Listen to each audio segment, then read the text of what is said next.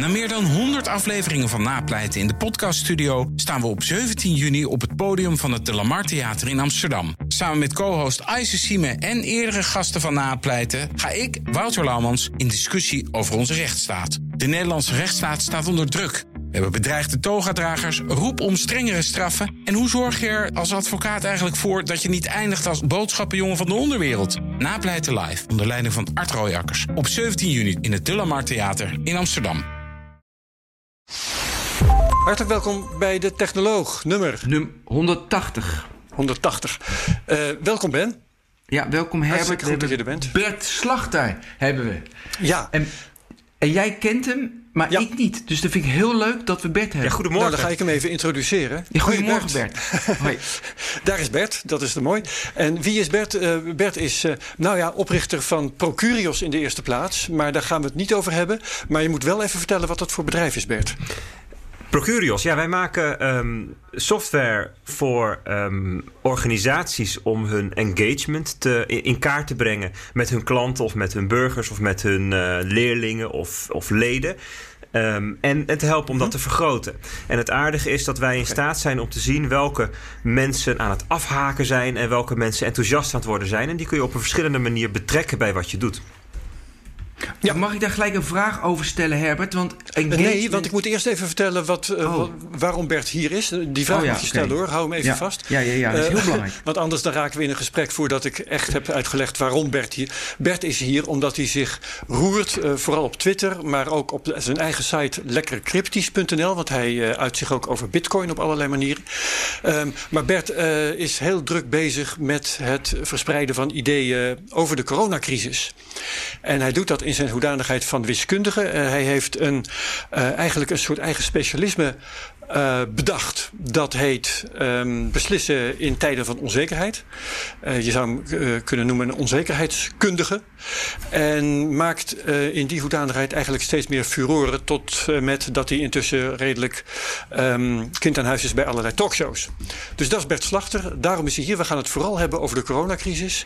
En allerlei aspecten daarvan. En jij gaat hem nu een vraag stellen over Procurios. Ja, maar nu heb ik toch eerst nog een andere vraag. Bert, wie heeft jou ontdekt in de media? Is dat niet gewoon Herbert? Ja, natuurlijk is dat Herbert. Herbert is de grondlegger. Volgens mij het ook. fundament van de. Ja, hè? dat denk ik ook. Nee, wat vond ik zo leuk. Ik las Nou. een stuk in de NRC. Nee, ik zag een stuk in de NRC. En er stond van... Voor het eerst in podcast bij BNR. Zei ze niet welke podcast. Het is de Cryptocast geweest. Weet je, en daarna een hele opsomming waar je allemaal bent. En waar je... Ja, maar, maar, Maar, maar iedere ontdekking is het gevolg van een andere ontdekking. En eh, ehm, voor, ons, voor ons in de Cryptocast was Bert ook eh, kind aan huis al bij ehm, de Satoshi Radio. Dat is een andere podcast over eh, Bitcoin, die net wat minder bekend is dan de Cryptocast, zeker bij BNR. Dus eh, nou, er, er was altijd iemand voor. Ja, uiteraard. En daarvoor. Oké, Ja. even over die engagement. Eh, dus Bert, Ja. wel, dus wat zijn de KPI's dan? Zolang zoveel mogelijk mensen zien hebben meer engagement. Zolang mogelijk met elkaar omgaan is engagement. Of heb je nog meer van eh, zeg maar, KPI's die je hanteert om die engagement te meten? Ja, ja dus, dus het, eh, onze software is eigenlijk een, een vrij groot geïntegreerd platform waar, ehm, waarmee je dus websites maakt, mailings stuurt, communities kunt opzetten. Er zit een app aangekoppeld. ehm, eh, je hele financiële ledenadministratie eh, doe je erin. Ehm, kun je ermee gaat me om doen? die engagement. Sorry, wat zeg je?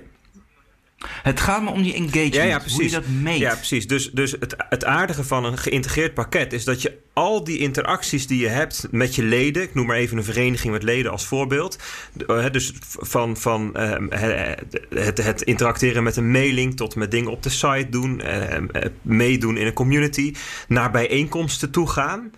Webinars volgen, al die vormen van Ja. interactie die kunnen wij meten. En die kunnen we dus ehm, die, die kunnen we punten geven, die kunnen we bepaalde waarden geven. Ehm, zowel in, Mhm. in, in geldtermen als in ehm, betrokkenheidstermen. En die kunnen we dan ten opzichte van anderen in kaart brengen. En ook het verloop over tijd in kaart brengen. Dus je kunt zien of iemand ten opzichte van de rest of ten opzichte van zichzelf meer of minder is gaan interacteren. Ja, maar de- wa- waarom, ik heel, waarom dat een persoonlijk mij interesseert is omdat namelijk Facebook die zei van we willen waardevolle interacties. Weet je, we, we, we verbinden de wereld, maar waardevol. Maar waardevol, ik, hoe, onze band met elkaar, hoe waardevol dat is, is best wel moeilijk te meten. En dat doen ze weet je, in time spent en in, uh, in, in, uh, in, terugkerend, weet je, uh, weet je, daily active users. Maar heb je daar nog een andere KPI in die je ook meet? Ja, nee, dus... Sorry Herbert, we gaan zo beginnen, maar dit is echt heel belangrijk. Ja, ik vind het prachtig. Ja, het, het aardige is dus dat wij dat aan onze klanten zelf overlaten, of ze daar natuurlijk bij begeleiden, om zelf na te denken over welke interacties hebben nou het meeste waarde of hebben de meeste betekenis. dus bijvoorbeeld het, het, het invullen van een bepaald soort enquête, dat kan betekenen dat iemand echt de tijd heeft genomen daarvoor en dat kan dus heel veel punten opleveren. Ja. Dus het is wat dat betreft um, um, de betekenis geven aan um, uh, gedrag, dat, dat, dat is wel nodig om Um, om het meer waarde te geven dan Google Analytics, zeg maar, kan. Ja. Dus een, in één voorbeeld, ik een mooi voorbeeld. Voor een lange enquête, als je lang in heb ik zoveel tijd besteed, nou dan uh, heb ik echt wel een relatie met jou. Heb je nog meer van dat soort voorbeelden? Um, ja, nou ja, dus, dus, dus bijvoorbeeld, uh, er zijn allerlei soorten bijeenkomsten, van workshops tot en met de jaarlijks congres. En aan verschillende soorten bijeenkomsten kun je dus verschillende um, uh, waardes koppelen. En dat zou een voorbeeld kunnen zijn. Of um, hmm. Um, nou ja, het, het, het, downloaden van dingen uit de kennisbank. Hè, dat betekent dat je in het geval van een vereniging die vereniging echt gebruikt als kennisleverancier. Dus een van de bestaansrechten eigenlijk van verenigingen vaak. Of hoe snel je reageert ja, ja, ja. op een ledenraadpleging. Allemaal dat soort zaken. En okay. kun je dus, hoe specifieker je daarin um, in bent, um, hoe, hoe waardevoller of hoe betekenisvoller je, je, je, meting wordt, hoe meer signaal je hebt en hoe minder ruis. Dus er zit wel heel veel, ligt een heel grote verantwoordelijkheid bij het inrichten hiervan. Ja. Leuk. hey, maar ja. uh, Ben, als jij dit zo fascinerend vindt, dan moeten we Bert misschien een keer terugvragen om hier een keer een uur over te praten. Ja, want ik had hier alweer een vervolgvraag, maar ik, ja, nee, we, nee, nee. we, zouden het over beslissen in onzekere tijden hebben. Ja, dus Anders gaan, uh, gaan luisteraars die daarvoor kwamen wegzappen. Oh. Dat willen we natuurlijk ook weer niet. Nee, oké. Okay. Ja, daar, daar, wil ik graag heel kort even iets over zeggen. Want je zei um, ja, als wiskundige of al, hè, vanuit onzekerheid. Kijk, wat mij vanuit mijn studie al vanaf dat punt al gefascineerd heeft, is complexiteit. En dus dat is eigenlijk mijn ja. startpunt geweest. Ik heb die studio, ja. studies overigens niet afgemaakt. Dus er is, uh, je kunt nog goed zo nee. bediscussiëren of je, of, je dat, of je mij dan wiskundige mag noemen. Maar in ieder geval Inderdaad. heb ik. Ik dacht dat jij jezelf wiskundige noemde. Ja, nou ja, ik heb het niet meteen betwist toen ik zo genoemd werd. Hè? Dus dat is. dan gaan die dingen zo leven. Kijk, je kunt ook nog zeggen: ja. iemand die de wiskunde beoefent, die is wiskundige. En ik ben er wel dagelijks mm -hmm. mee bezig in mijn werk met wiskunde. Maar ik wil het ook, vind het ook wel belangrijk om het specifieker te maken. Want het perspectief waarmee ik er naar kijk, is vanuit complexiteit en onzekerheid. En die hebben ontzettend veel met elkaar te maken, die twee begrippen. Want hoe complexer een situatie is, hoe meer onzekerheid er eigenlijk per definitie is. Um, en en dat is, dat is een, een, een, perspectief of een thema wat ik uh, echt ontzettend interessant vind. Wat ik voor mijn werk heel veel gebruik. En ook voor Lekker Cryptisch. Want daar zijn we ook bezig met uh, heel complexe systemen. Zoals financiële markten, uh, de wereldeconomie. Um, en, en bitcoin als netwerk is ook een complex systeem. Dus, dus zo komen al die dingetjes bij elkaar. En toen kwam die coronacrisis. En toen, toen, toen gingen mensen het hebben over... Um, ja, we varen in de mist en we, we, sturen in de achteruitkijkspiegel. En uh, we nemen ja, ja, ja. 100% van de beslissingen met 50% van de kennis, zei onze minister-president. En toen dacht ik, aha, we hebben hier te maken met onzekerheid. En daar weet ik dingen over.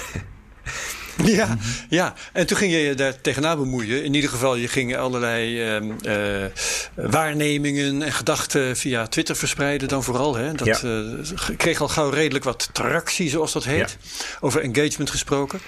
Um, dus, uh, maar laten we eens even bij het begin beginnen. Hè? Want het, ga, het gaat dus over beslissen in een complexe omgeving onder onzekerheid. Ja, wat, wat kun je daar in het algemeen over... Ik kan wel heel dom vragen, hoe doe je dat? Dat is natuurlijk een hele een vraag waar je meteen een monoloog van een uur over kan houden. Daar zijn we meteen overal vanaf. nee, maar kun je, ja. daar, kun je daar iets korts over zeggen? Dat we daarna weer verder kunnen? Ja, ja, um, ja dat kan denk ik wel. Even kijken, als er sprake is van onzekerheid... we noemen dat ook wel opacity of opaciteit of troebelheid. ondoorzichtigheid. Ondoorzichtigheid. Ja, dus de, je hebt een troebele blik. En dat betekent dat je niet scherp ziet wat er aan de hand is. Er is conflicterend bewijs. Dat zien we bij corona ook heel veel. Dus bewijs voor het een en bewijs voor het ander. En dan kan je dus of gaan cherrypicken, of je kunt concluderen: we weten het eigenlijk niet. Um, en. Um, of er is gewoon. Met cherrypicken bedoel je dan trouwens de dingen eruit halen die jou goed uitkomen. Hè? Klopt, Als je al klopt, klopt. bepaalde ideologie je hebt. Kiest je, favori je favoriete bewijs kies je dan. Hè? Ja, of, je, ja, of je favoriete studie of je favoriete observatie. Um, bewust of onbewust. En het is daarom heel belangrijk dat je realiseert dat je in een situatie zit met slecht zicht. Want um, het, heel veel van dat soort cherrypicking of, of, of selection bias. Het zijn allemaal woorden om aan te duiden dat je um, een, vooraf een keuze maakt over over de data die je gaat gebruiken. Dat ligt ontzettend op de loer. Omdat je mensen hebben vaak al een beeld bij hoe het zit. Als je weet, het is, er is onzekerheid. Dan is het allerbelangrijkste in je beslissingen is dat je um, gaat eh, dat je als, je als je scenario's maakt of keuzes maakt of aannames moet doen, dat je de aanname doet waar de minste catastrofe achter verborgen zit. Uh, dus eigenlijk moet je, moet je zeggen: ik, je mag pas risico nemen als je catastrofe hebt uitgesloten. En met catastrofe bedoel ik alles wat. Uh, dood of verderf of, of, of uh, bankroet in zich heeft. Ja, en, en dat ja. uh, in, in uh, perspectief van de coronacrisis is dat natuurlijk het uh, vastlopen van de gezondheidszorg. Dus dat is dan iets waar je bij uit de buurt moet zien te blijven. Maar daar ehm, wil daar iets over vragen. Ik moet denken aan Donald Rumsfeld. Die had het over known unknowns, hè, dingen waarvan je weet dat je ze niet weet. En unknown unknowns, dingen die je niet weet, maar waarvan je niet beseft dat je ze niet weet. Die heb je natuurlijk ook in dit verband altijd. Hè. Je kunt dus volgens mij niet. Uh, alle catastrofes vermijden in je keuzes, omdat je ook niet weet, in jouw termen, achter welke aanname catastrofes op de loer liggen. Nee, klopt dat? dat? Dat, klopt. Hè? Dus dat is een beetje de theorie van de zwarte zwaan. Hè? Dus de unknown unknowns. Je, je weet niet Um, wat er gaat gebeuren en wanneer en hoe en wat. wat maar je weet vaak, je kan wel dingen, uh, je kan wel redeneren over de potentiële gevolgen ervan. En dat is, dat is dan eigenlijk waar je naartoe moet. Hè. Dus uh, niemand weet van tevoren dat er een coronavirus op uh, eind december 2019 gaat uitbreken in Wuhan. Maar we hadden wel kunnen weten dat er een keer een pandemie ging komen. Ja, daar is ook voor gewaarschuwd. Ja, ja. Hè, door Bill Gates, uh, die we al eerder genoemd hebben. Ook door Obama trouwens, uh, als senator in 2005 heb ik, ben ik laatst tegengekomen. Dus die waarschuwing die circuleerde al lang. Ja, en dan weet je vervolgens ook niet um, of dat dan van mens of mens overdraagbaar is. Hè. Dat was in het begin een vraag. Maar het is dan dus als je moet kiezen tussen de aanname... is het nou wel of niet overdraagbaar? In je plannenmakerij is het dus verstandig ja. om aan te nemen... dat het wel van mens op mens overdraagbaar is. Want stel dat je het fout hebt en je neemt aan dat het, dat het wel overdraagbaar is... ja, dan heb je misschien een paar plannen te veel gemaakt. Als je de andere ja, aanname doet en je, en je hebt het fout... Dan, dan, dan zit je misschien ineens met honderdduizend zieke mensen... Uh, dus, en dat is in Nederland gebeurd, hè? want uh, bij de tweets die het RIVM verspreidde voordat uh, we hier patiënt nummer 1 hadden, daar zat onder andere bij: het is waarschijnlijk niet van mens op mens overdraagbaar. Ja, dat soort dingen klopt. hebben zij gedacht. Ja, en de volgende aanname was: het komt waarschijnlijk niet in Nederland. Het, hè, met andere woorden, ja, het komt waarschijnlijk China niet uit. Ja, dat is, dat, dat, dat is weer een aanname dat als je het verkeerd hebt, dat je de pineut bent. Nou, vervolgens waren er. Maar Bert, mag ik heel. Oh ja, okay. ja, zeg maar. Nee, maar ik wil even terug. Want je zegt in onzekerheid is belangrijk dat je aannames doet die de minste catastrofe, weet je, uh, zeg maar, uh, zeg maar uh, gebeurt. Dus zeg maar achter verborgen zit. Dat je catastrofe uitsluit. Um, soms is het toch bijna noodzakelijk. Is het altijd zo? Dat is eigenlijk de vraag klopt dat wel wat je zegt? Is het altijd zo? Ik, ik, ik, heb iets van, ja, soms heb je catastrofen, daar moet je mee omgaan. Kijk, als er nu een meteoriet komt en ze allemaal weggevaagd, ja. Maar je bedoelt, is een catastrofe er altijd wel te vermijden? Dat is jouw vraag. Ja, ja je, soms, je, je, hebt dus soms situaties dat links of rechts allebei geen catastrofe is. Dan zeg ik, gooi een kwartje op en ga iets doen.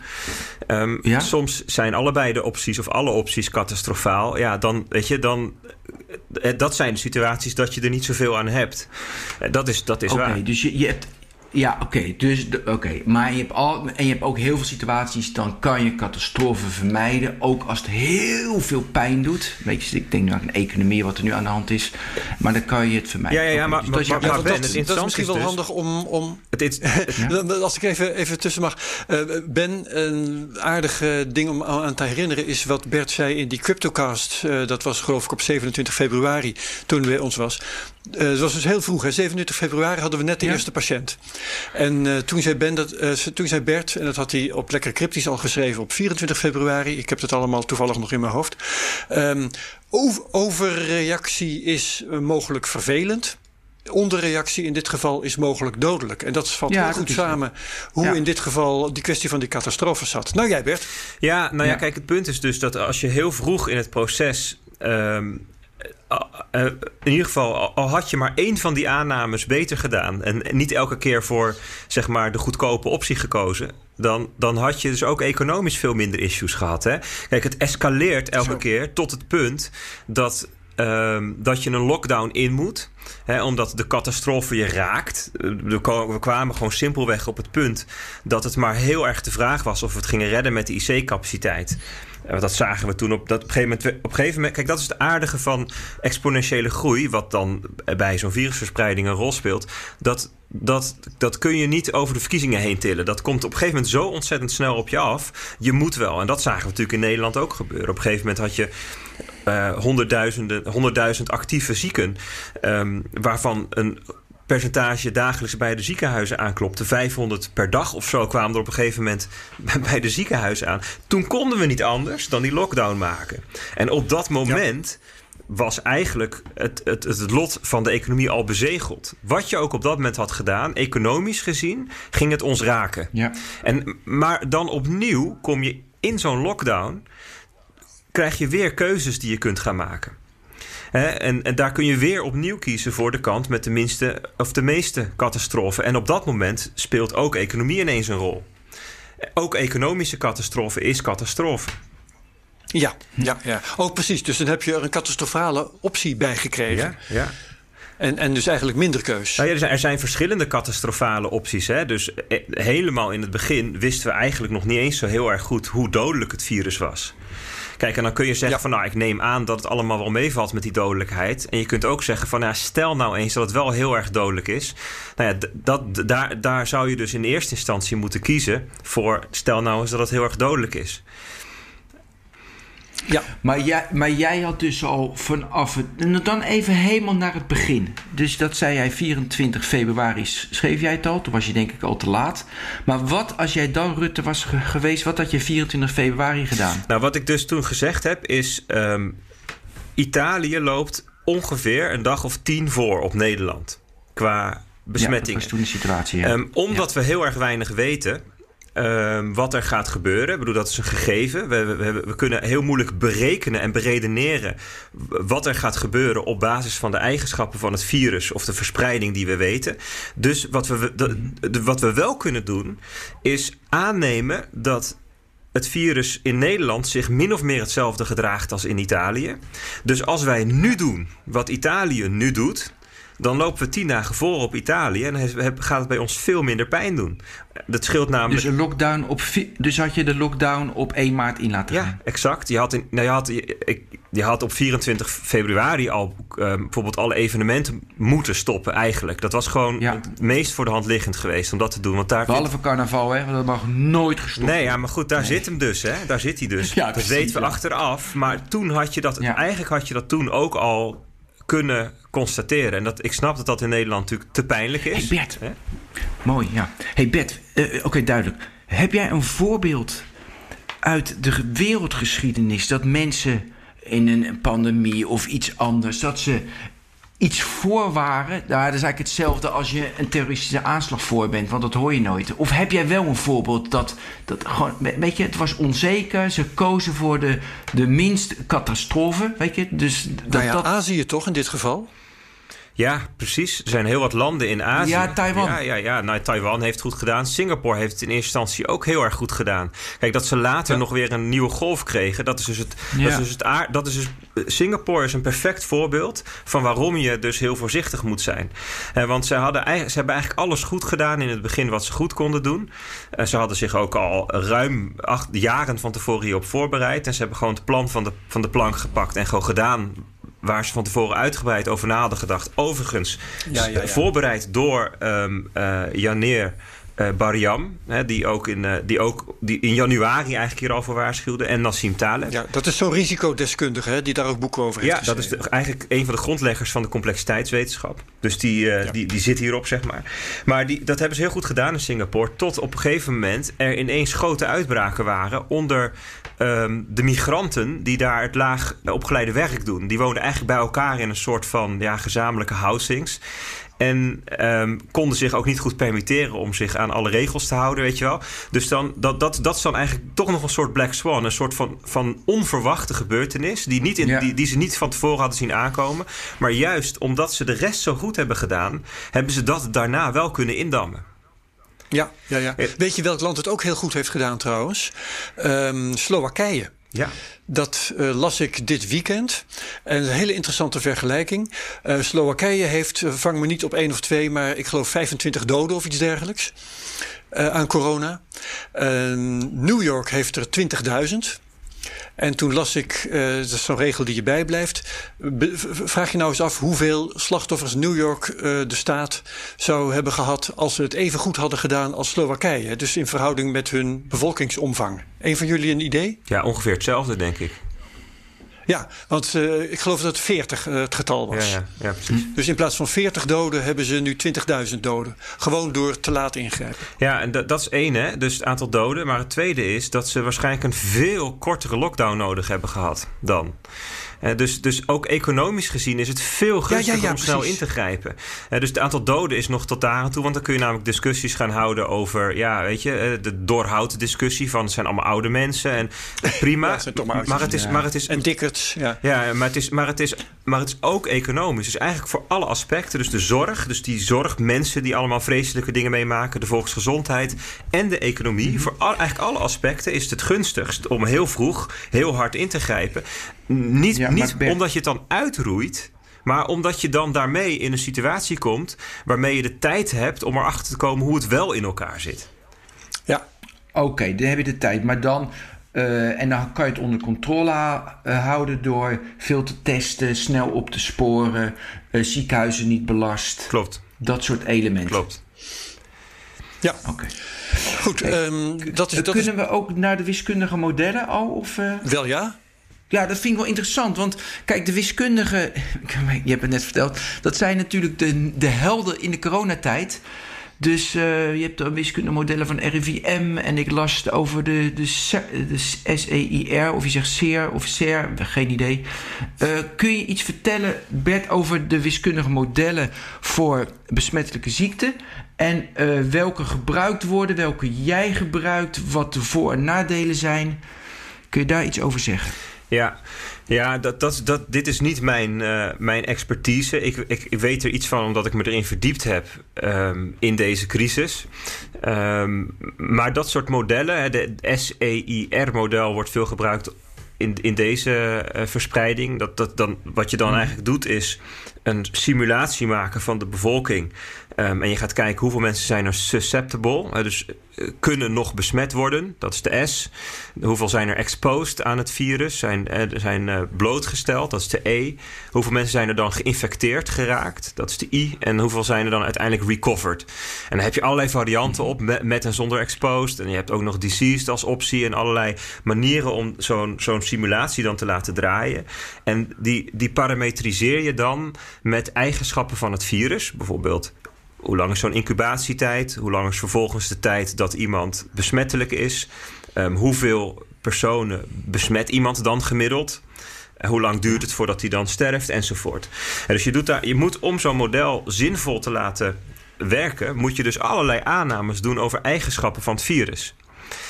En ja. dat maakt deze modellen in de allereerste fase van zo'n bij zo'n nieuw virus best wel tricky, omdat we gewoon heel veel nog niet weten.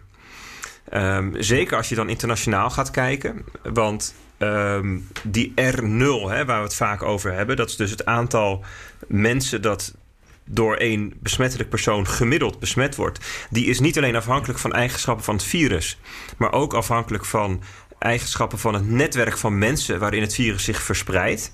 Dus bijvoorbeeld in een dicht bevolkt gebied is de R0 hoger dan op een platteland. Um, als mensen in een sociale cultuur de neiging hebben om elkaar vaker te kussen, dan is, dan is de R0 hoger dan als dat als een afstandelijke cultuur is. Er zijn, er zijn zoveel. Ja. Um, uh, dus het, gaat, het gaat ook over hoe. Um, hoe zijn dingen verbonden met elkaar? Dus, dus, dus wat voor soort kringen zijn er in een maatschappij, weet je wel? Dus je kunt ook niet zomaar weer zo'n model van het buitenland lenen. Dus het, het risico met zo'n model is dat je uh, precies fout zit en ik zit liever ongeveer goed. He, dus dat is, ja. dat is, dat is in, in deze fase zijn modellen die kunnen ondersteunend interessant zijn om um, bijvoorbeeld te simuleren van, nou stel dat we deze aannames doen, um, hoe lang duurt het dan voordat je groepsimmuniteit bereikt? En da daarvoor wordt het bijvoorbeeld ja. gebruikt. Um, en ja. alleen daar zit dus bijvoorbeeld, bijvoorbeeld het aanname in dat daadwerkelijk groepsimmuniteit optreedt. Maar dat weten we eigenlijk nog helemaal niet. Nee. Ja. He, dus, want, want, want over van, van coronavirussen in het algemeen. Um, uh, weten we dat er heel verschillende uh, soorten immuniteit zijn. Hè. Soms zijn, is dat heel kort, soms is het heel zwak, soms is het langer en beter. Ja, dat, dus, ja, bovendien muteert het virus zelf ook. Ja, precies. Um, uh, en de vraag is dus of als, hè, als, als immuniteit er is, of je dan wel of niet ook voor die mutanten immuun bent. Dat bedoel ik. Ja. Dus, dus um, maar wat hanteer jij dan? Nou, dus wat, wat, wat voor model? Ja, dus wat, wat ik wat doe jij eigenlijk dan? doe, is alleen maar kijken naar um, de feitelijke groei die we zien. Dus er zijn, er zijn een aantal reeksen van data. Um, potentieel. Ja. Hè? Dus potentieel heb je het aantal positief geteste uh, uh, mensen.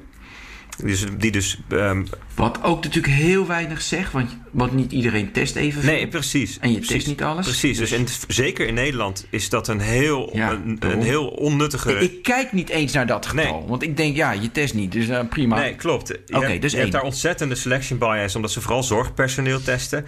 En, en ja. in de loop van de tijd is het, het testprotocol een aantal keer aangepast. Dus je kunt ook niet vergelijken. Maar die, in theorie, is in een land als Zuid-Korea en misschien Duitsland, zijn het wel meerzeggende reeksen. Dan heb je de ziekenhuisopname. Die is al een stuk zinvoller, omdat je um, niet goed kunt cheaten. Weet je, als je, ziek, als je opgenomen nou, moet worden in het ziekenhuis... hebben vanaf eind maart gingen de huisartsen minder doorsturen. Dus gelijk alweer toen dacht klopt. ik van... ja, als je minder door gaat sturen, dan is het getal klopt, klopt. niet. Dus die vond ik ook lastig. Klopt. En um, uh, wat ook een rol speelt, is dat een ziekenhuisopname alleen wordt geteld als het bewezen is dat iemand corona heeft. Dus op het moment dat ze daarmee stoppen, mm -hmm. dan zit hij niet meer in die cijfers. Dat is ook interessant. Mhm.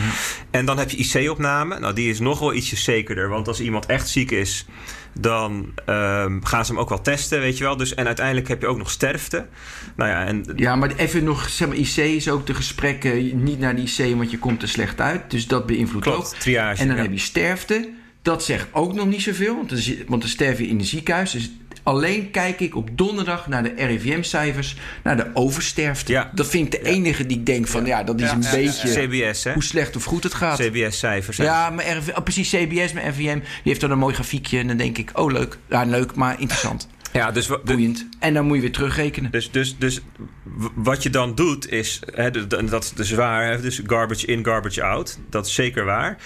Um, maar, maar wat ik doe is dan aannemen dat over de periode van weken de fout daarin ongeveer gelijk blijft. En dat je dus binnen zo'n reeks wel min of meer kunt vergelijken.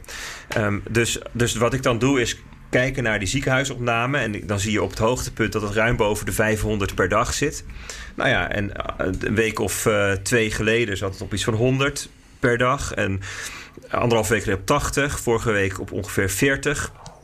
Nou, nu zit het ja. iets onder de 40 per dag. Dus je ziet daar wel een heel duidelijke daling in van het aantal ziekenhuisopnamen per dag. Nou, je weet dat ongeveer twee weken daarvoor zo iemand besmet is geraakt. Dus je kijkt terug in de tijd.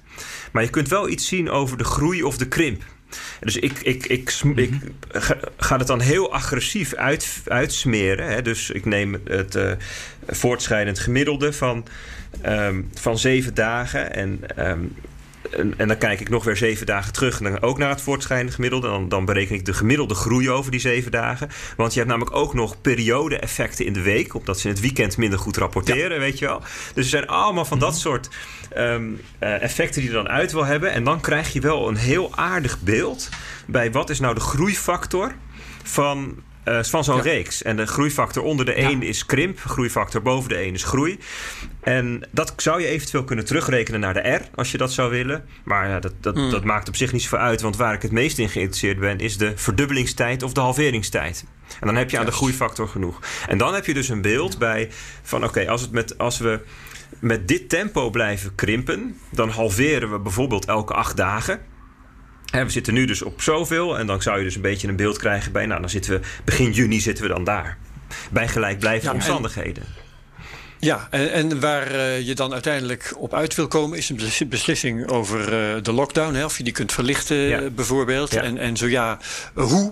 Nou, um, en wat is dan jouw mening over wanneer je dat kunt? Hoe ver moet je zijn in die krimp um, om iets te gaan doen, om iets te gaan verlichten? En wat ga je dan verlichten? Dat zijn de beslissingen waar Nederland voor staat op dit moment. Klopt. Ja, en, en ik heb dan, kijk dan vanuit. Uh, beslissen in onzekerheid en zeg ik: ik wil tijd. Ik wil gewoon meer tijd hebben om erachter te komen hoe het nou zit met dit virus.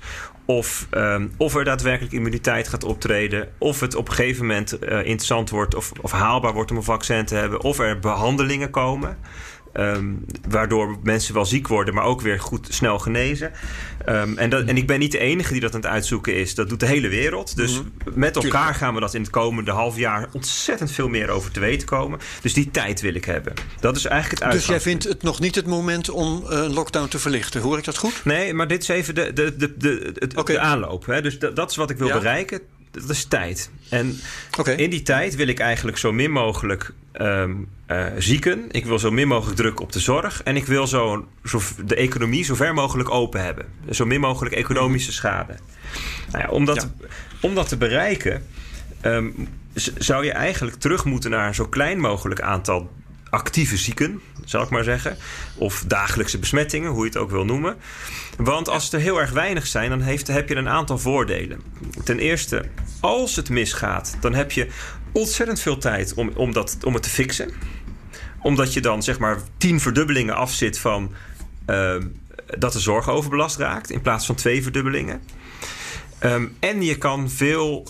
Je, je, krijgt weer de beschikking over het instrument testen. Want dat zijn wij verloren, omdat gewoon simpelweg te veel mensen ziek werden ten opzichte van onze testcapaciteit. Okay. als, als, als er weinig besmettingen zijn, heb je ook weinig te testen. Dat soort dan, heb, dan heb je in ieder geval um, minder uh, tests nodig. En je zult alsnog ja. wel iedereen met klachten of met vermoedens willen testen. Um, maar dat zijn er dan in ieder geval minder. Um, en je krijgt het instrument van traceren erbij. En het heel interessante van traceren is dat je, dat je daardoor in staat bent om mensen te isoleren voordat ze besmettelijk worden. En dat is interessant omdat een groot aantal besmettingen plaatsvindt zonder dat mensen of voordat mensen symptomen hebben. Dus ja. het, je, ben, je bent er niet door te zeggen: mensen, als je klachten hebt, blijf je thuis. Dat was het allereerste wat ze in Nederland zeiden. Tuurlijk is dat belangrijk. Alleen ja. het is onvoldoende het met asymptomatische besmetting. En dat hebben ze in Nederland ja. natuurlijk heel lang ontkend hè, dat dat kon. Dus dat is weer zo'n aanname. Stel nou dat je een aanname moet doen. Is iemand wel of niet besmettelijk zonder symptomen? Ja, als je het verkeerde aanneemt, dan zit iedereen elkaar te besmetten. Omdat je zegt, nee hoor, ze zijn niet besmettelijk. Juist. Ja, dus daar, zit, daar is weer puur... Kijk, ik weet het ook niet hoe het zit. In ieder geval toen niet. Intussen nee. is er heel veel studie die... En, en zegt het RIVM zelf ook dat het wel kan. Hè, maar in, op dat moment wisten we het allemaal niet. Dus contra, tegenstrijdig bewijs. Maar als je dan een aanname moet doen, ja, neem dan aan dat mensen wel besmettelijk zijn zonder symptomen. Maar het lijkt nu of jij toepraat naar een grens, een bepaald getal, uh, waarbij jij zegt: oké, nu staan we er goed genoeg voor. Nu gaat dat testen en traceren bijvoorbeeld, wat, wat niet schaalt. Hè? Als, dat, als de besmettingen uit de hand lopen, dan loopt dat ook uit de hand, kun je het ook niet meer volgen. Ja. Dus volgens jou is er blijkbaar een grens waaronder je kunt zeggen: oké, nu hebben we zo weinig besmettingen en zieken, nu kunnen we dat testen en traceren doen. Wat is die grens? Klopt. Nou ja, en het, het, het aardige is dat ik kom daar dan vanuit deze redenering op, maar dit zegt de WHO zegt dit ook. En zelfs ons eigen OMT adviseerde dit op 6 of 7 april ook. En als je kijkt in heel veel andere landen, um, dan zeggen de experts dat ook. En de landen die succesvol zijn, die hanteren dit ook. Dus er is zoveel. Mm je, je, hoeft het niet precies te weten, maar wel ongeveer. En dat ongeveer is: kijk naar de landen die succesvol zijn. Die doen okay. dit. Ja, maar, maar hoeveel. We willen gewoon een getal horen. hoeveel per dag? Zeg maar besmettingen en doden. Ja, nou, dus, dus ik denk dat, dat je in, in een land als Nederland best een paar honderd besmettingen per dag op, uh, hiermee aan kunt. Misschien 500. Ik, ik geloof dat Israël de grens op 300 heeft gelegd. Als er, zolang er minder dan 300 besmettingen per dag eh, zijn, um, gaan, we nog, gaan we niet in lockdown, zeg maar. En daaronder kan het blijven. Dus het is heel realistisch om dat soort getallen uh, aan te kunnen. Maar niet met de capaciteit die wij nu hebben. Ah. Dus er zitten, zitten twee kanten aan het verhaal. Hè. Je zou dus in Nederland heel erg moeten gaan opschalen met testen en met contactonderzoek. Um, we, lopen daar, we zijn eh, volgens mij ongeveer de slechtste ter wereld. Voor zover wij kunnen, nou ja, even van, van de ontwikkelde landen. Hè, aan capaciteit per 100.000 inwoners. Um, ja, dat is... Het, het, is echt, dat is echt bizar. Kijk, dus als je daar heel veel mee opschaalt, kun je heel veel meer aan. En een andere interessante notie is dat. Um, als je heel lang niet getest en geen contactonderzoek hebt gedaan, dan is er dus een bepaalde voorraad zieken die je niet in beeld hebt. Dus ermee beginnen is moeilijker dan het, um, dan het constant houden, zeg maar. Hmm. Ja, dus de, ja, maar ik, eh, ja, maar ik wil het even begrijpen. Kijk, gisteren, uh, we nemen het op donderdag op, dat doet er even niet toe. Maar we zitten nu een aantal besmettingen. Gisteren was uh, 227 ja. en we hadden 52 doden. Ja. Ja? Dus in jouw theo, dus nu, oké, dus, dus je zegt we moeten een paar honderd aankunnen. Daar horen dus 52 doden bij, en een keer 40 doden, en een keer 60 doden, prima. Maar dan zou dit dus een steady state kunnen zijn, maar we zijn nog in een lockdown. Uh, dus als je het dan meer opengooit, dan komen er weer meer. Dus hoe gaan we daarmee om? Ja, dus nu, nu zitten we nog in een soort van lockdown. We zijn al aan het versoepelen. En het heel interessante is dat sinds de toespraak van Rutte... dat we een spoorboekje voor versoepeling hebben... is het gedrag van mensen ook anders. Dus de vraag is of we nog daadwerkelijk aan het krimpen zijn. En dat weten we niet, omdat we niet testen en traceren en informatievoorziening goed hebben geregeld. Dus we varen eigenlijk nog in de mist. We kondigen al versoepelingen aan. Je ziet mensen hun gedrag veranderen. En het zou best eens kunnen dat we al niet meer krimpen.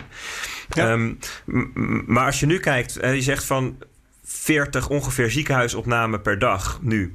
Ehm, als je kijkt naar de totale cijfers, dan zijn er ongeveer 10.000 ziekenhuisopnamen geweest. Alles bij elkaar. En we hebben ongeveer 6, 7, 800.000 mensen hebben de ziekte gehad, is de schatting van RIVM. Als die cijfers kloppen, dan zit er, ligt er ten, uh, bij één ziekenhuisopname ongeveer 50 tot 100 besmettingen onder. Dus eigenlijk zou je ja, echt wel um, van die 40 ziekenhuisopnamen omlaag naar 5 per dag willen. Um, om aantallen te hebben die je makkelijk kunt, kunt hanteren. Daarvan zegt overigens een, een Xander Koolman, gezondheidswetenschapper van de VU, die zegt: Ja, wij economen, die kijken daar, of gezondheidseconomen zei, wij economen kijken daar iets anders naar. Wij zeggen: um, die lockdown kost ongeveer 30 miljard per maand. Dus eigenlijk maakt het geen bal uit wat het kost om een leger van contact tracers um, uh, op te leiden. Al kost het me 100 miljoen, dan is het nog een goede deal. Zorg gewoon voor 10.000 mensen die het contactonderzoek kunnen doen. En, en, en, en voor genoeg tests. En start morgen. Dat klinkt dus heel plausibel. Dus je kunt er op verschillende manieren naar kijken. Maar in ieder geval, op dit moment is onze capaciteit en de hoeveelheid besmettingen nog niet in balans. En dus zou ik zeggen, voldoe je niet aan alle um, adviezen van instanties um, om te gaan versoepelen. Want je hebt het gewoon nog niet geregeld. Ja. Maar bijvoorbeeld die 10.000 mensen die wel, het, uh, die wel uh, zeg, maar, uh, zeg maar traceren, dus wel dat contactonderzoek doen. -hmm. wat, wat maakt het dan dat dat niet wordt besloten volgens jou? Ja, dat is dan, dan, dan kom je in het politieke domein. Wat, nou, wat daar, doe maar een uitspraak, Bert. Ja, wat, wat daar. Nou ja. Um, je, je, hoort van de GGD's bijvoorbeeld dat ze heel lang hebben gewacht op een centraal signaal van wij mogen gaan opschalen. Dus bijvoorbeeld um, de, één of twee dagen voor de toespraak van Rutte, begin vorige week, toen heeft de NOS een rondje gebeld langs GGD's. En die zeggen gewoon: ja, we weten niet precies waar we aan toe zijn. En dus dat, dat, is, dat is een oorzaak. En, en er zit ook nog wat politiek oud zeer over. Um, uh, dat er bezuinigd is op de GGD's. Ja, weet je, moet je maar niet bezuinigen. Nu hebben we geen capaciteit, dus dat ja, zit er ook ja, nog ja. ergens. Um, nu, nu, nu is het zijn gegeven, ga maar opschalen. Ja, hoe snel gaat dat gebeuren? Kijk, het is natuurlijk heel raar dat bijvoorbeeld een Alex Friedrich... dat is die, um, die man van um, het ziekenhuis in Groningen... Die, die, die ook een aantal keren in het OMT zat. Die zegt, ja, bij ons in Groningen, wij testen en wij traceren gewoon. Wij, wij, Nederland moet gewoon nu gaan opschalen. Pak maar duizend geneeskundestudenten. Ga het maar regelen. Weet je, dus ja, er is, er is politiek wel een verschil tussen wat er geadviseerd wordt en wat er gedaan wordt. Dat, dat, kun je, dat is zeg maar een observatie. Wat eraan ten grondslag ligt, ja, dat, dan, dan kom je toch wel op het gebied van speculatie, denk ik. Ja, misschien ook wel ja. uh, wensdenken. Hè? We willen toch graag die lockdown verlichten, dus laten we dat maar vast gaan doen. Iedereen wil dat zo graag. Ik denk dat ja. dat toch ook wel uh, publieke opinie, hè? De, de pers die daarin mee huilt, uh, denk ik. ik. Mag ik even een andere, een, een andere afslag nemen? Want Zeker. ik um, moet bij deze pandemie telkens weer denken aan de Spaanse griep. Die vergelijking wordt uh, op grote schaal gemaakt. Um, in, in de pers ook. Hè. Dat wordt steeds naar boven gehaald. Ook met foto's en al dat soort dingen meer. Um, ik moest er zelf al heel vroeg aan denken. Om de eenvoudige reden dat mijn grootvader nog de Spaanse griep heeft gehad. Hè. Die heeft dus in 1918 of 1919 lag hij uh, in bed met de Spaanse griep, terwijl de kerk, vertelde hij zelf, hè, terwijl de kerkklokken beierden voor de begrafenissen van de mensen die uh, daar aan het uh, loodje hadden gelegd. Dus ik moest daar al snel aan denken. Um, op Twitter heb ik daar verschillende keren aan gerefereerd. En dan zeiden mensen: ja, maar dat is een pandemie van 100 jaar geleden. Die vergelijking gaat vast niet op. Wil ik van jou weten. Um, kun jij zeggen of die vergelijking met de Spaanse griep opgaat? En zo ja, hoe wel en zo nee, hoe niet? Ik, ik ben eerst benieuwd waarom mensen denken dat hij niet op zou gaan. Ja, ik ook. Maar dat kan ik je niet, dat kan ik je niet precies. Oh. Gewoon omdat het toen een andere tijd was. Ik bedoel, je had toen ja. natuurlijk nog geen vliegreizen en al dat soort zaken. Overigens ja, de, essentie, nu... de essentie van nee, een pandemie ja. is dat, die, dat, die, um, dat het een wereldwijde. Uh, dus dat het, een, dat het een epidemie is die over meerdere. Um, ja. Uh, hoe heet dat? Uh, continenten. land, continenten heen gaat. Maar ik kan wel heel veel verschillen noemen hoor. Dat zeg je? Als het moet. Nou, vertel, vertel. Maar ik kan heel veel verschillen. Nou ja, uh, een verschil is dat er toen uh, tussen de 40 en 60 miljoen doden verwachten ze. Dat gaat nu niet gebeuren. We hebben nu een verstand van virussen. Toen door de Spaanse griep ja. uh, beetje gingen mensen meer onderzoek doen. Dus nu weten we veel. Dus we weten er meer van. Dus we kunnen nu ook beter acteren. De economische impact was, is nu veel en veel en veel heftiger. Toen was het meer lokaal dat een dorp of een stad. Omdat het natuurlijk minder verbondenheid was. Ik weet niet of dat waar is. Nou ja, nu. Je had, je had toen ook lockdowns. Je had toen ook uh, steden die echt uh, zo goed als plat kwamen. Jawel, maar echt de, de global impact met... Oké, okay, ze zeggen wel dat de Spaanse griep geleid heeft tot de beurs... Uh, weet je, crash in 1929. Dus de, weet je dat het begonnen is. Dus kan nagaan wat we over tien jaar te, ons te wachten staan. Nee, om nu op misschien. Ook ver maar weet je, je kan natuurlijk altijd verschillen. Maar je kan ook altijd, weet je, heel veel overeenkomsten. Dus ja. meer natuurlijk gewoon perspectief. Maar Bert zegt... ja, ik vraag me af waarom, ja, waarom Bert het niet zo opgaat. Dus jij denkt dat het wel opgaat, met andere woorden. Nou ja, kijk, het is, het is een virus waar nog niemand immuun voor is. Dat is de, dat is de belangrijkste overeenkomst tussen die twee. Dus je hebt een ja. nieuw virus wat zich blijkbaar wereldwijd verspreid heeft. Um, en, ja. en dan zijn er daarna natuurlijk heel veel verschillen. We zijn nu veel meer connected dan toen. Dus het heeft zich veel sneller over de wereld kunnen verspreiden. Ja. In veel kortere tijd. Um, maar we snappen gewoon... ook sneller dat een lockdown misschien een goed idee is om het te bestrijden. Ja, misschien wel. Of in ieder geval, um, als die lockdown er dan is, dan. Kijk, wat dat betreft. is het ook wel opvallend dat elk land eigenlijk in dezelfde kuil trapt. Hè? Ik bedoel, Amerika was dan nog weer een stukje later dan Europa. Maar ook daar hebben ze het eerst uh, helemaal laten escaleren voordat ze. Ja, ehm, wonderbaarlijk. ja, ja. En, en wat bijvoorbeeld interessant is, vind ik in Amerika, is dat er ontzettend grote verschillen zijn tussen staten. Ja. En uh, toch is er een soort van federaal beleid. Terwijl als je in Europa kijkt, waar ook heel veel verschil is tussen landen, daar zie je dat, dat landen verschillend beleid hebben. Dus eh, ook het leren van dat je dus verschil kunt maken in geografisch, in, in regio's, daar, dat, dat, dat, dat, dat is ook binnen deze e-, pandemie nauwelijks geleerd, blijkbaar. Ja. Dus dat, zijn, dat zijn hele opvallende dingen. Maar. Um, ja, natuurlijk is het heel anders in de zin dat, dat de tijd anders is en het virus anders is. Maar de belangrijkste overeenkomst is toch wel dat er een nieuw virus, waar nog niemand immuun voor is, de wereld overgaat. Ja. ja. Uh, Bert, ik vind het wel interessant wat je in het begin zei van je hebt natuurlijk culturen die, uh, dat zie je ook geografisch in Amerika, culturen die elkaar kussen en niet. Want ik vroeg het aan Bart Veldkamp, die, zit, die woont in Alta, in het noorden van Noorwegen. Hij zegt social distancing doen mensen hier al van nature. Dus ja, dat is helemaal niet nodig. En dan denk ik even het beleid in Zweden, weet je wel. Nou, Zweden vind ik best wel slechte getallen hebben, maar oké. Okay. Um, en natuurlijk Brazilië, slechte getallen, maar dat komt door die... Bolsonaro. Want dat komt door dat beleid. Ja. Dus, uh, dus die regionale verschillen. Hoe, en is wel natuurlijk de vraag.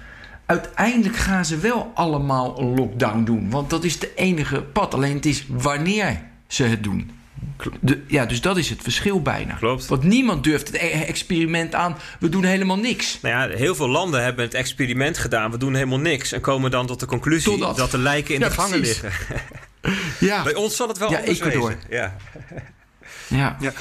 Kunnen we het hebben over een vaccin? Um, dat is ook iets waar onzekerheid over is. Hè? Onzekerheid over uh, of het er komt, uh, wanneer het er komt, hoe werkzaam het zal zijn, of het verschillende generaties van het virus zal, uh, zal, kunnen, zal aankunnen. Um, ik, waar ik naartoe wil um, is jouw gedachte over onzekerheid. Hè? Dit is ook weer zo'n onzekere factor waarbij je uiteindelijk toch weer een catastrofe wil verminderen, wil vermijden. Wat betekent dat uh, in je beleid in zaken een vaccin? Ja, dat is een heel goede vraag. Um, er is best wel wat uh, focus op zo'n vaccin. Hè, van het, dat, dat, daar wachten we op, zo wordt het vaak gezegd. Hè, ja. van, nou, het, gaat, het gaat nog wel puntje puntje duren voordat, voordat er een vaccin is. Ja, tegelijkertijd is de inspanning om dat te vinden gigantisch. Ja, ja, ja zeker. er zijn uh, uh, volgens mij wel vier um, um, plekken nu waar een vaccin al getest wordt zelfs. Dus het is bizar wat daar nu gedaan wordt, waaronder ook in Nederland. Um, maar als je van iets meer afstand kijkt en zegt van oké, okay, ik, ik, ik, ik, ik weet heel veel niet nog, dan moet je concluderen dat vaccins Um, hier is bijvoorbeeld een studie uit 2013 kreeg ik van mijn broer, want daar heb ik even aan hem gevraagd. Die zit wat meer in de medische kant van het verhaal. Peter Slachter, uh, ook betrokken bij Lekker Cryptisch. En, en ook bij Procurios, geloof ik, hè? Ja. Klopt, ja. Ja, ja, ja, ja precies. Dus uh, my, my brother in arms. Ja. Maar die, die, die, die, die had hier een studie die zegt, die heeft eigenlijk een, een zeg maar alle vaccinprojecten tussen 1998 en 2009 onderzocht. En daaruit blijkt dat maar 6% van die, van die um, ontwikkelingen überhaupt op de markt komt. En dat het gemiddeld 10,7 jaar duurt. En mhm. de reden dat het zo lang duurt, is dat, het, dat je ontzettend veel moet testen. Want je gaat namelijk een idioot grote hoeveelheid mensen inspuiten met iets waarvan je niet weet wat, wat de bijwerkingen zijn. Kijk, als jij Um, een behandeling hebt voor iets, voor een redelijk zeldzame ziekte, en 1 op de 10.000 heeft een vervelende bijwerking, dan is dat waarschijnlijk heel acceptabel. Um, um, uh, zeker als die ziekte ernstig is. Um, dan, sterker nog, dan is het een no-brainer. Als, als, je, als je kan kiezen tussen doodgaan of overleven met kans op bijwerkingen, dan is er maar één logische optie. Uh, maar hier heb je het over mensen die allemaal gezond zijn nog. Die ga je met iets inspuiten, waar misschien één op de 10.000 mensen hele nare bijwerkingen van kan, kan krijgen. Dat kan je niet maken. Hè. Dus, dus, dus de, de bewijslast van een vaccin is precies andersom. Om, dit, om het even om te rekenen, je loopt de kans dat per patiënt, coronapatiënt die je voorkomt, of coronadoden die je voorkomt, dat je één iemand voor zijn leven verminkt, bij wijze van spreken. Bijvoorbeeld een, van een auto-immuunziekte voorziet. Of ehm, nou ja, er was een, een voorbeeld van, uh, volgens mij was het een, een influenza-vaccin die, waarbij kinderen narcolepsie kregen. Weet je, dat zijn gewoon, uh, er zijn gewoon allerlei, um, uh, er zijn dus gewoon een extreem hoge standaard voor vaccins eigenlijk, voordat je ze wil gaan toepassen. Dus dat, dat is één aspect. Ja, en dat is anders, om, het even, om dat even te benadrukken, dat is anders dan bij een geneesmiddel. Een geneesmiddel, dat richt je op patiënten die al ziek zijn en, en dreigen dood te gaan. En dan uh, is dat criterium als 1 als één op de 10.000 daar nog niets aan overhoudt. Dat is een andere afweging. Klopt. Dus, dus, dus, dus bijvoorbeeld alle dingen die preventief zijn. Dus dat geldt ook voor uh, bijvoorbeeld um, bloedverdunners hè, of um, ja. um, beta-blokkers. Weet je, dat soort preventieve zaken. Daarbij moet je altijd kijken naar de iatrogenese. Hè, dus de schade die, vanuit, die, die, die wordt veroorzaakt door te behandelen. Um, en dat is, dat is bij zo'n vaccin dus aan de orde. Dus dat is één aspect van waar we, waar, waardoor we maar moeten afvragen van... Um, wat is de, hoe reëel is het dat, dat je inderdaad binnen 1, 2, 3 jaar een vaccin hebt? En als het er is, is het dan wel verstandig? Dus dat, dat is één kant. Eh, andere kant is dat het maar heel erg de vraag is of je fatsoenlijk vaccin kunt maken voor, voor dit virus. Um, het, het, het, immuunsysteem is zo'n ontzettend complex, ingewikkeld ding. Um, uh, dat, dat maar de vraag is of dat op deze manier echt goed gaat werken. Is dat uh, algemeen bij vaccins of, of speciaal bij coronavirus of zo? Nou ja, kijk, ik heb daar natuurlijk geen inhoudelijk verstand van. Maar wat ik daarvan okay. uh, van, van hoor van mensen die, die coronavirussen kennen, die zeggen: ja, je, dat, dat idee van een vaccin is leuk maar we hebben eigenlijk nog voor geen enkel coronavirus ooit een goed vaccin kunnen mm. maken. Dus we moeten dat nog maar eens even afwachten. Ja, want wij uh, leken denken van, nou ja, uh, je zet de medici erop, of uh, hoe noem je die mensen, vaccinologen misschien zelfs. En dan komt dat vaccin er vanzelf, want dat zijn we zo gewend. Maar zo is het dus niet. Nou, niet per se. Hè? Dus, dus, um, dus ja, dat, dat, daar zit allemaal onzekerheid in dus, dus een vaccin, dat is geen silver bullet. Zo van, nou, die, die gaat er een keer komen en dan is het per definitie allemaal opgelost. Dus je moet het, het, er, het er komen van een vaccin, dat, dat moet je dat niet als gegeven beschouwen in je strategie. Dat is denk ik vooral even vanuit, laten we even terugbrengen naar, naar mijn perspectief, de belangrijkste conclusie die je moet trekken. Ja. En, en als het dan toch lukt, dan, hebben, dan is het mooi. Kijk, dat vind ik ook wel aardig. Er komen best wel vaak mensen naar mij toe die zeggen: Ja, ik denk dat het virus veel minder dodelijk is dan iedereen denkt. Ik denk dat, het, dat, dat, dat 80% van de mensen het al gehad heeft. Dan zeg ja. ik: Ik hoop dat je gelijk hebt, want dan hoera en halleluja, want dan zijn we er voor over een paar weken overal vanaf ter wereld. Is uh, Donald Trump ook bij jou geweest met zo'n mededeling? nee, nee, nee. Nee, maar, maar dat, ja. dat is natuurlijk het aardige. Stel dat er een, daadwerkelijk een fa fantastisch vaccin komt... of fantastische behandeling... of het blijkt daadwerkelijk dat iedereen het al gehad heeft... ja, dan is het, dan is het over drie weken klaar. En in ja. de hele wereld is het probleem opgelost. Ja. Je had van de week een... Sorry, Ben, jij wil wat vragen? Ja, ja, dus maar even voor mijn duidelijkheid. Dus je gaat er niet van uit dat er een vaccin komt. Je gaat er nog steeds van uit dat je dus kan testen. Uh, weet je, dus waar we net waren. Uh, dus testen, traceren. Dat, dat is dus de strategie voorwaarts. Ja, en in de tussentijd. Want dat heb je wel in de hand. Ja, in de tussentijd ga je dus ontdekken met elkaar. Tijdrekken. Ga je dus ja. ontdekken van kan ik. Dat vaccin ontdekken. Nou ja, bijvoorbeeld. Ja. Maar je gaat twee, eigenlijk twee dingen. Op twee gebieden ga je ontdekken. Je gaat enerzijds ontdekken hoe kan ik op een slimmere manier het virus remmen. Dus ga ik hele dure, domme, onhandige maatregelen vervangen door slimmere. Daar kunnen bijvoorbeeld mondkapjes een rol in spelen. Maar misschien zijn er nog wel tien andere dingen die we nog niet weten. Ja. zit, er zit bijvoorbeeld iets misschien wel in luchtvochtigheid. Misschien zit daar een heel belangrijke sleutel. Wie zal het zeggen? Moeten ja. we ontdekken. Dus dat is één. En de andere kant is, we gaan uh, de medische interventies. Dus je hebt eigenlijk de niet-medische en de medische interventies. Die gaan we ontdekken. Dat kan vaccin. Moet je, natuurlijk moet je het onderzoeken. Maar er zijn ook allerlei behandelingen die misschien um, uh, fantastisch werken. Dus dat, dat je het iedereen wel laat krijgen, maar met een bepaalde behandeling is het ziekteverloop zo mild ja, dat het allemaal prima te doen is. Misschien ontdekken we dat gewoon. Ja, en, en uh, je had en, een, een, een, uitvoerige draad op Twitter uh, pas waarin het sleutelwoord opties was. Zorg dat je zoveel mogelijk opties hebt. Dat is ook weer onder onzekerheid. Hè? Dan is dat een uh, goede strategie om, um, om uh, je weg te vinden. Klopt, ja, dat is waar. Ja, zo is het. Optionaliteit noemt uh, Nassim Taleb dat. En een, een optie, het, ja. het, het, de essentie van een optie is dat het je weinig kost, maar dat het je in potentie heel veel oplevert. Um, en een ander karakter is een optie die, die moet. Um, dat betekent dat je iets mag of iets kunt, maar niet dat je het moet. Ja. Dus, het is, dus het, is, het is een mogelijkheid, maar geen verplichting. Dus, dus er zijn. Um, het, het is in onzekerheid heel interessant om opties te verzamelen. Um, of in termen van taal hebben om de optionaliteit te verhogen. Ja. En wat zijn dan opties die je jezelf kunt verschaffen in, het, in de, de corona-crisis? Uh, nou ja, dus door nu um, het aantal actieve zieken heel laag te brengen en het daarmee voorlopig onder controle te houden, stel je jezelf bloot aan de optie dat uh, er daadwerkelijk een fatsoenlijke behandeling wordt uh, gevonden. En de optie dat er een vaccin komt. En de optie dat we slimmere manieren ontdekken om het uh, onder controle te houden. En weet ik voor wat voor soort dingen. Ja. Terwijl als je zegt van ja, we laten, we laten de bevolking zo snel mogelijk allemaal de ziekte krijgen, dan sluit je die opties eigenlijk allemaal uit. Hè, die zet je aan de kant. En um, dan ga je eigenlijk voor, voor één. Je kiest voor één um, één route. En ja. alle andere routes zijn niet meer mogelijk. Ja.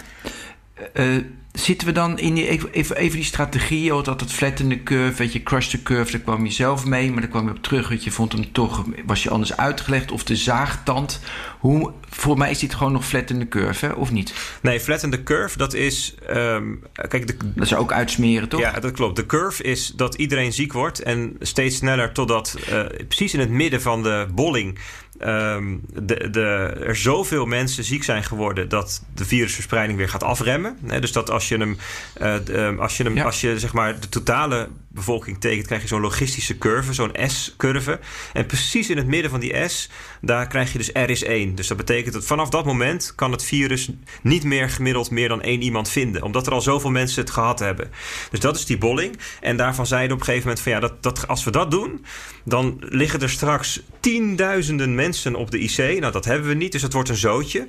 Dus moeten we flatten the curve. Dat betekent dat we diezelfde hoeveelheid zieken gaan uitsmeren over langere tijd. Maar de oppervlakte onder de grafiek, zou mijn wiskundeleraar zeggen, die blijft gelijk. Hetzelfde. Eh, dus um, ongeveer gelijk. Ja. Niet helemaal, uh, maar ongeveer. Het wordt er iets meer eigenlijk. Um, maar um, maar in jouw Crush the Curve was dus in één keer alles plat slaan. Dus Precies. Het, het idee van Crush the Curve is dat je... Ja, je hebt inderdaad die eerste bult zieken. Want elk land reageert te laat. En daarna ga je zo snel mogelijk terug naar nul. En als je Crush the Curve letterlijk neemt... dan zeg je je gaat terug naar nul en je houdt hem op nul. En dat is de strategie van bijvoorbeeld uh, Nieuw-Zeeland en Australië en Zuid-Korea en Japan en Singapore en Taiwan. Maar ook Slowakije en Griekenland. Ja. Terecht dat je dat net zei, uh, Herbert. Um, was het eerste land in Europa die gewoon mondkapjes uh, publiek maakte. En ik vond het was, was een mooie bordesfoto van de minister-president. Was een dame die met zo'n mooi roze mondkapje opstond. Maar Tsjechië ook bijvoorbeeld heeft dat ook al omarmd. En uh, er, zijn, er zijn steeds meer landen, Noorwegen overigens ook, Israël ook, die gaan naar crush the curve. Dus die gaan echt naar nul terug. Ja, maar Bert, je zei net een paar honderd kunnen we aan per dag. Dus Klopt. de Crush Curve is ook die paar honderd. Nou, en daar of, zit, de, en daar zit dus de nuance. En, en dat is dus ja. het lastige van dit verhaal. Dan zeggen mensen in Nederland is dat ontzettend lastig om echt naar nul terug te gaan. Omdat wij zoveel interacteren met landen om ons heen. Zoveel verkeer hebben. Mm -hmm. Dus... Ja. Is het kansloos wat je zegt, crush the curve? En dus is de enige optie flatten the curve. En, en, en, nee. en, en, het idee van flatten the curve is dat je uh, het aantal zieken limiteert op de zorgcapaciteit die je hebt. Ja. Dat is het enige, eigenlijk de enige randvoorwaarde die gesteld wordt. Mensen mogen best ziek worden als de zorg maar niet overbelast is. Dat is ook wat Rutte weer zei vorige week. Ja. Um, maar daar zit iets tussen. En dat daartussen, dat heet dan uh, uh, containment of indammen of eliminatie. Dat zijn eigenlijk allemaal woorden die gaan over hetzelfde. En, het, en, en die strategie zegt: oké, we accepteren dat er af en toe toch nog wel besmettingen zullen zijn. En het zullen soms tientallen zijn. Maar we gaan ze wel weer elke keer proberen te vinden, na te jagen. onderdrukken. Ja. ja. En, dat, en dat, is, dat is ander dan een strategie van, van eradicatie, waarbij je zegt we willen het gewoon echt uitroeien en uitgeroeid houden. Want dat betekent dat, dat, dat, uh, dat je zoals China op dit moment doet, iedereen die het land binnenkomt, die moet eerst twee weken in quarantaine. Spanje doet dat op dit moment trouwens ook. Ja, en dat doet dat, en dat, voor eilanden is dat makkelijk. Hè? Dus dan iedereen, die, mensen komen alleen maar per boot of per vliegtuig. En dan daarna heb je quarantaine en dan is het klaar. Dus IJsland en Nieuw-Zeeland en, en Australië hebben zo'n soort strategie. Nou, dus dat, dat, dat is een hele strikte vorm eigenlijk. En een iets minder strikte vorm is dat je zegt van ja. Um, we, vinden een, een, een, tiental besmettingen per dag, of tientallen, of misschien honderd een keertje. En, straks is het herfst en dan loopt het misschien op naar 500. Allemaal oké, maar dat is wel. Ja. ja. dat kunnen we aan. Dat is een fundamenteel verschil met de zorgcapaciteit. Want let wel op, hè, ehm, waar men het over heeft met de zorgcapaciteit, dat is over 40 IC-opnames per dag. En dat komt ongeveer overeen met 10.000 besmettingen per dag. Dat is flatten curve. Dat is de mitigatiestrategie. Dat is 10.000 besmettingen gemiddeld per dag voor drie jaar lang. Met als doel dat je na drie jaar, duizend dagen, duizend keer 10.000 is 10 miljoen, dat je na drie jaar iedereen hebt gehad. Dat, is, dat is flatten curve. Nee, ja, dat, is dus, dat moeten we niet willen. Nee. Dus het is een paar honderd besmettingen per dag. En dat is al crush the curve voor jou, maar dan met een kleine bobbel erin. Niet helemaal nul, maar een beetje uh, zeg maar ietsje hoger. Ietsjes hoger. Uh, en dan kunnen we testen en dan kunnen we, dan kunnen we het uh, zeg maar traceren. Dan kunnen we het onder controle houden. Ja, dus daar, kijk, het, het, het tot op 100 per dag komen is een kwestie van weken. Terwijl naar de nul is kwestie van maanden. Dus de kosten om van die 100 naar die nul te gaan, die zijn uh, extreem hoog. In Nederland op dit moment, met, met, met het Nederlandse cultuur, met het Nederlandse beleid, met als je alles meerekent. Dus daar ben ik het ook best mee eens dat dat nu niet verstandig is. Maar eventjes naar dat punt toe gaan waar je wel die controle weer krijgt en daarmee dus die enorme buffer en het vermogen om, eh, om, om de economie verder open te gooien. Ja, daarvan zou ik zeggen, zonder dat we dat niet doen.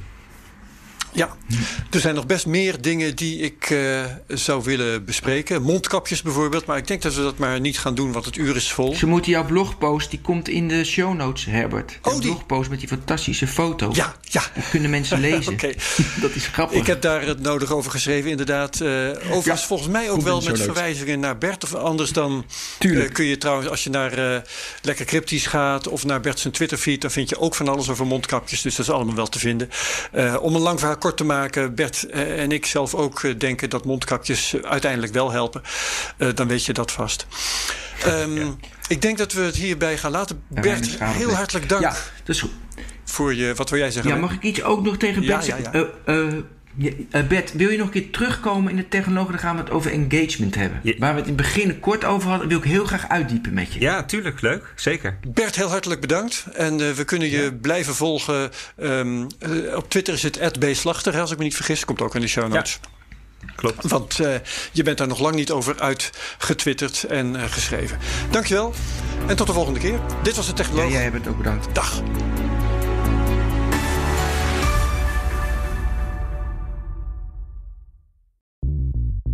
Bij BNR ben je altijd als eerste op de hoogte van het laatste nieuws. Luister dagelijks live via internet. Bas van Werven. En heel langzaam komt de zon op rond dit tijdstip. Je krijgt inzicht in de dag die komt op BNR, het Binnenhof in Nederland en de rest van de wereld. De Ochtendspits. Voor de beste start van je werkdag. Blijf scherp en mis niets.